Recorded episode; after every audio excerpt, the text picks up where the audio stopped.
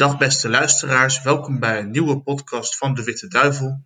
Mijn naam is Jan-Willem Spaans en ook vandaag ben ik weer samen met Eddy Snelders en Frans Wakkelin. We gaan bespreken de selectie van de Rode Duivels voor het EK voetbal van deze zomer. En ook zullen we de resultaten van de Belgische competitie grondig analyseren. Club Brugge nam een voorschot op een nieuwe landstitel door in een onderling duel Royal Antwerp FC met 2-1 te kloppen. En in de Europa Komt in de Europe Playoffs won KV Mechelen zijn wedstrijd van standaard en is daarmee duidelijk de favoriet voor het behalen van het Europese ticket. Ik geef graag het woord aan François. Dankjewel uh, Jan-Willem. Uh, Eddy, uh, laat ons beginnen met de actualiteit, de selectie voor het EK. Martinez heeft een definitieve selectie bekendgemaakt van 26 namen. Wat is je het meest opgevallen? Uh, dat er weinig verrassingen bij zijn. In eerste plaats. In tweede plaats is dat hij ondanks zijn uitbreiding toch altijd maar drie doelmannen meeneemt, terwijl er dikwijls sprake was van vier, maar goed. Uh, ook maar vijf echte verdedigers, met toch een paar ouderen bij. Vermaal erbij, Vertongen erbij, Alderweireld erbij. Dus een opvulling van nog twee echte verdedigers uh, met Denaye en Boyata. Dat is misschien eentje te weinig en dat is zeker een vaste tot grote ontgoocheling, denk ik, van Mechelen. Want die had gehoopt, zeker met een uitbreiding, van er sowieso bij te zijn. Het is dan niet gelukt. Dat is een verrassing. Een andere verrassing is het behoud van Chatley. Vind ik persoonlijk, omdat ik vind dat hij dit jaar heel weinig uh, sportieve meerwaarde heeft betekend. Niet alleen voor de nationale ploeg, maar ook voor zijn eigen club. Maar uh, Martinez houdt toch vast aan uh, loyaliteit. En vooral van jongens die heel veel uh, goede diensten hebben bewezen in het verleden. Die laten niet zo makkelijk los, vandaar ook zijn, uh, zijn selectie. En uh, voor de rest, ja, oké, ehm, duidelijkheid, geen Fellaini. Waardoor dat die speculatie alleszins helemaal van, van de baan is.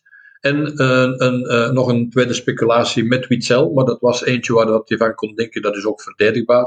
Dat hij misschien toch nog op zeker moment de, het intreden in de nationale ploeg kan, kan halen. Dus dan moet je hem een, een kans geven.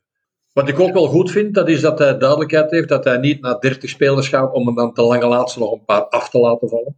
Omdat ik vind dat, uh, ik heb het zelf meegemaakt, meegemaakt met uh, Jos Lekes in 98.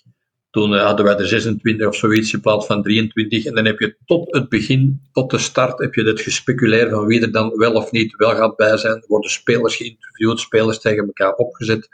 En dan moet je nog, dat is dan ook een heel leuke job, moet je te lange laatste nog drie spelers naar huis sturen die er de hele tijd zijn bij geweest. Dus dat heeft Martinez vermeden door duidelijkheid. En dan heeft hij ook een, een soort uh, hoopkern gecreëerd. Een reservelijst van jongens die zich stand-by moeten houden. Maar die dan toch voor alle zekerheid ook al weten dat mits dat de prestaties uh, wat in de goede richting blijven gaan, dat zij eigenlijk in, het, uh, in, het, in de nabije toekomst toch worden gadegeslagen en kandidaat international kunnen worden in omwisseling naar de nieuwe generatie. Naast Chatley vind ik ook Praat wel een kleine verrassing. Die heeft ook heel weinig gespeeld bij zijn club. Ja, maar die, kan, uh, die heeft weinig gespeeld, maar in verhouding natuurlijk. Uh, heeft hij er wel afgeladen, dat vond ik ook verdedigbaar. Maar ik vind uh, Praat, Praat kan daar in het middenveld nog altijd samen met Van Aken in principe iets doen. Praat heeft een goede wedstrijd gespeeld. Ik weet niet tegen wie het was, tegen Wit-Rusland denk ik. Uh, dus heeft al zijn kans gekregen.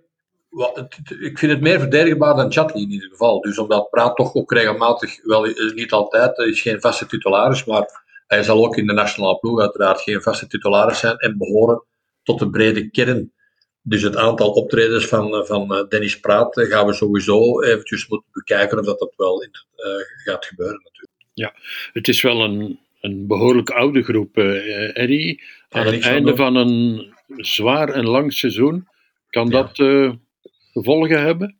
Dat kan, dat kan natuurlijk. Iedereen heeft natuurlijk wel veel wedstrijden gespeeld. Het is een kwestie van ze nu uh, fit en fris in die paar weken die ze resten van ze helemaal fris aan de aftrap te krijgen. Je hebt natuurlijk inderdaad vraagtekens. Dat kan niet anders, maar je bent niet alleen. Ik bedoel, er zijn alle landen worden met dezelfde problemen geconfronteerd. Voor iedereen zijn het, is het een lang seizoen met heel veel wedstrijd en heel veel intensiteit geweest. En ja, je bent vooral natuurlijk achterin redelijk kwetsuur en leeftijdsgevoelig. Dus ja, dat is iets met een vraagteken en met een, met, een, met, een, met een afwachtende houding naar het EK toe.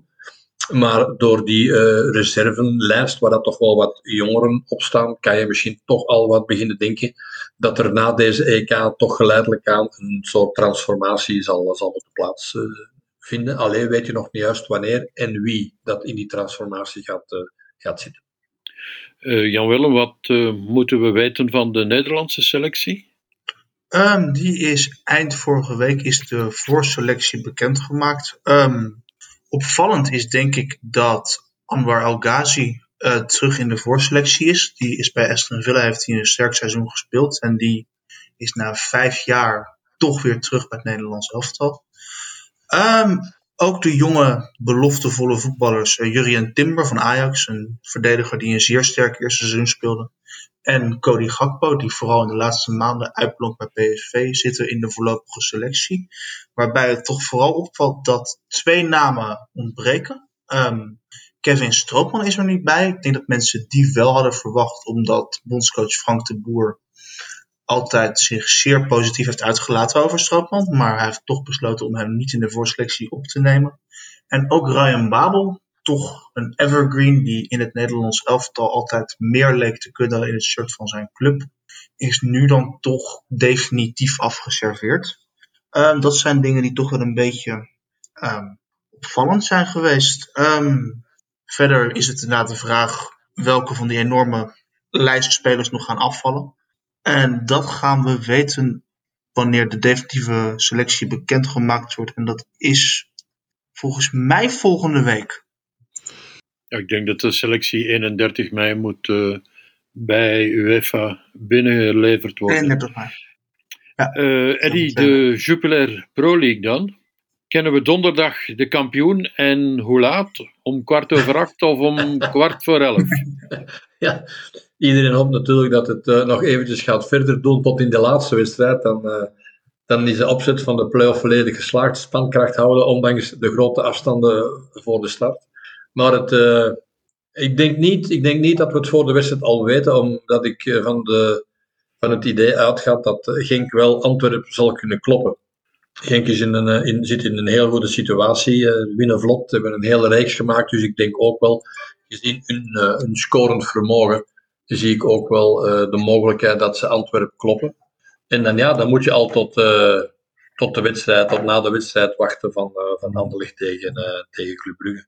Maar het is, de, het is zelfs met een overwinning van Genk zit het er wel in dat we na de wedstrijd in het Lottopark inderdaad de kampioen kennen. Ja. Genk-Antwerp eerst. Antwerp gaat wel een aantal spelers recupereren, mogen we verwachten. Lamkelzee onder andere. Kan dat ja. een verschil maken?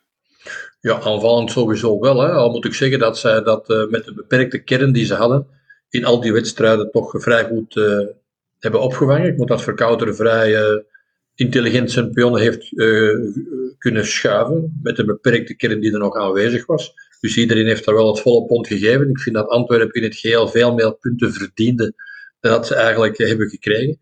Dus dat is spijtig. Dat is een leerschool. Ze hadden competitief nog iets sterker naar voren kunnen komen natuurlijk.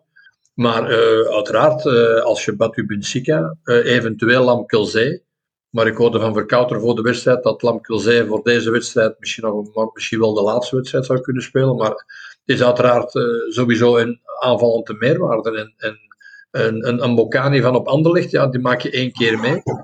Dat niveau, dan heb je geen Lamkelzee nodig. Maar, maar in andere wedstrijden kan je natuurlijk wel, je kan hem altijd gebruiken, maar dan kan ook nog, nog extra nuttig zijn. Dus het zou kunnen dat Antwerpen aanvallend iets beter voor de dag komt, maar of dat er nu een garantie is om in Genk dat toch aanvallend redelijk wat bij elkaar heeft uh, gescoord om dat tegen te houden, ja, dat valt toch nog af te wachten.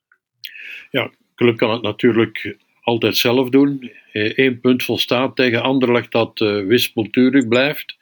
Kan Club bevrijd zijn na de moeizame zege tegen Antwerpen? Goh, nu op 1, 2, 3. Gelukkig zullen ze alleszins wel zijn. Er zal wel wat wat last van de schouders gevallen zijn na deze zege. Want al bij al iedereen deed er nog voor de wedstrijd nog zo'n beetje van ja, we hebben het onder controle en er is niks aan de hand. Maar uh, de vreugdesprongen van na de wedstrijd, uh, het enthousiasme dat er toen in de kleedkamer is binnengeslopen, dat, daaruit bleek toch wel dat, dat Brugge op zich niet echt gerust was in de afloop. En dat is eigenlijk merkwaardig, omdat je toch met een, met een, een ruime voorsprong aan die play-off begint. Maar ik vind wel dat er in de wedstrijden zelf, door het feit dat het niet 100% liep op het laatste van de competitie, wel een beetje nodeloos is geschoven. In de eerste wedstrijd uh, wordt Rits aan de kant gezet. In de volgende twee wedstrijden wordt uh, Van Aken, uh, na de twee laatste wedstrijden wordt Van Aken dan weer opgeofferd. Met alle duistere redenen van dien, waar dat hij zelf blijkbaar een interview niet echt goed aan kon en niet, niet echt tevreden mee was. Gelukkig heeft hij toch nog de selectie gehad, want stel je maar eens voor. Dus er is veel geschoven en, en, en, en, en er, is veel, er is veel getracht van, van, van, van op een andere manier met andere spelers naar voren te komen. Maar al al uh, heeft het lang geduurd voordat je toch die zekerheid had van, van, van, van, die, van die voorsprong. Dus uh, er was veel onrust, sowieso in Club Brugge. Maar die zal nu wel wat weg zijn. En ook op Anderlecht in de competitie moet ik zeggen dat ze een goede wedstrijd speelden. Dat ze daar op een onwaarschijnlijke, nooit geziene manier die wedstrijd in 20 laatste minuten uit handen hebben gegeven.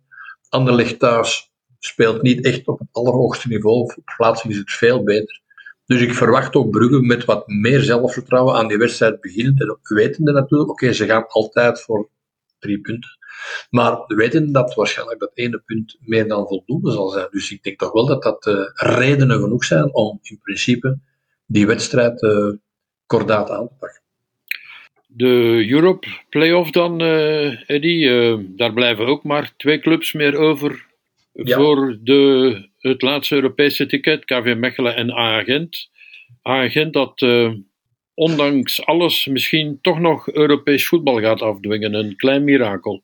Ja, nee, een groot mirakel, François. Nu ben je wel, nu, nu ben je echt, nu ben je echt heel, heel bescheiden. Nee, een enorm mirakel. Ten meer ook omdat de ploeg intern ook uh, regelmatig is afgemaakt. Hè. De commentaren van uh, Hein van Haasbroek na verschillende nederlagen, die loog er niet om. Dat was elke keer de zijs bovenhalen en alles boven het maaveld werd toen, werd toen weg, weggeveegd. heel ontevreden ja, we hebben het al dikwijls gezegd, uh, eigenlijk verdient Agent dat niet na het seizoen dat ze gemaakt hebben. Maar in, in deze competitie heeft iedereen al wel eens het een en ander uh, verkeerd gedaan, waardoor dat ze dan toch altijd de lange laatste nog zijn bijgebleven. het kan, het kan. Zij hebben overtuigend gewonnen op Oostende, dat blijkbaar dan toch over zijn hoogtepunt, duidelijk over zijn hoogtepunt is, terwijl dat zij de ganse competitie toch wel iets getoond hebben.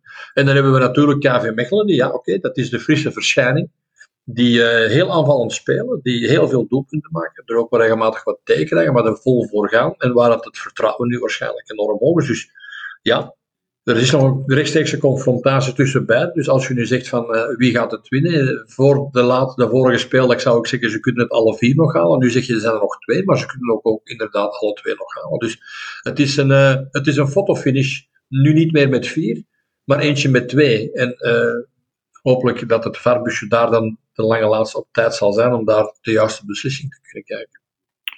Oké, we kijken er naar uit, uh, Eddie. Bedankt. Graag gedaan. Dan uh, wil ik graag de luisteraars bedanken voor hun interesse. Um, en voor het luisteren naar opnieuw een aflevering van de Witte Duivel Voetbal Podcast. Ik dank graag Eddie Snellers en François Collin.